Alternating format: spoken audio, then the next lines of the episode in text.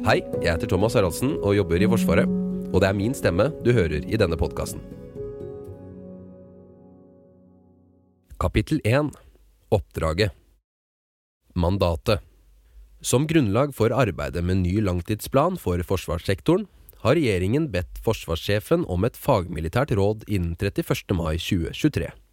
Regjeringen ba forsvarssjefen om å utrede anbefalinger om skalerbare tiltak og prioriteringer som ivaretar følgende utviklingsretninger.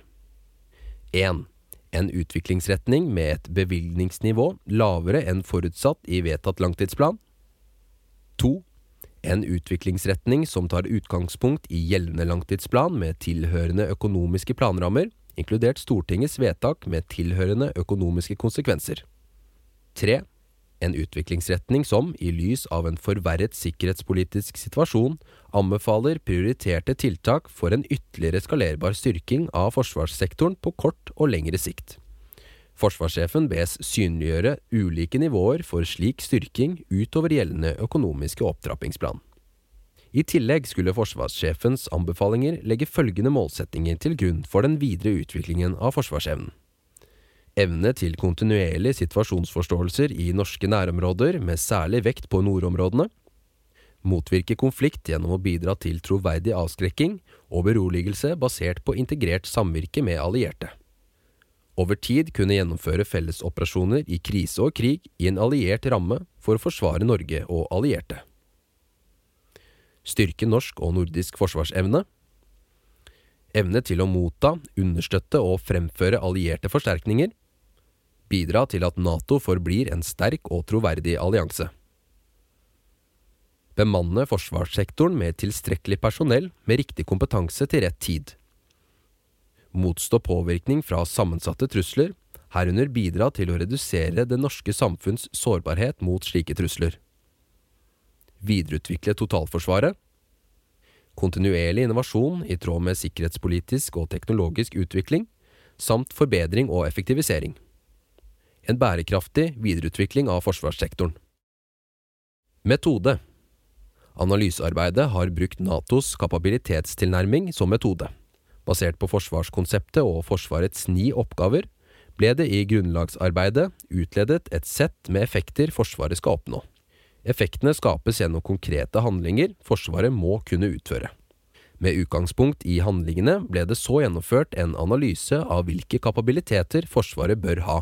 I utledningen av kapabilitetene og Forsvarets volum ble det tatt hensyn til både allierte forpliktelser og allierte operasjoner i vårt område, samt Sverige og Finlands NATO-medlemskap. Tilsvarende har totalforsvaret vært en sentral faktor i analyse av forsvarsevnen. Rådet legger til grunn en nektelsesambisjon for forsvaret av Norge inntil allierte forsterkninger er på plass. Grunnlagsanalysen ble gjennomført i fire trinn. 1 faktoranalyse av forhold som påvirker Forsvarets utvikling. 2. Kartlegging av Forsvarets status. 3. Utrede effekter og analyse av behov for utvikling og styring av eksisterende struktur. 4. Analyse av innsatsfaktorer, kostnader og gjennomførbarhet. Rådet er utarbeidet i tråd med utredningsinstruksen.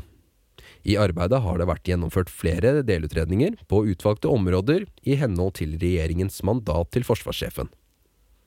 Forsvarets forskningsinstitutt, Forsvarsbygg og Forsvarsmateriell har bidratt med innspill, og det har vært dialog med Forsvarskommisjonen og Totalberedskapskommisjonen.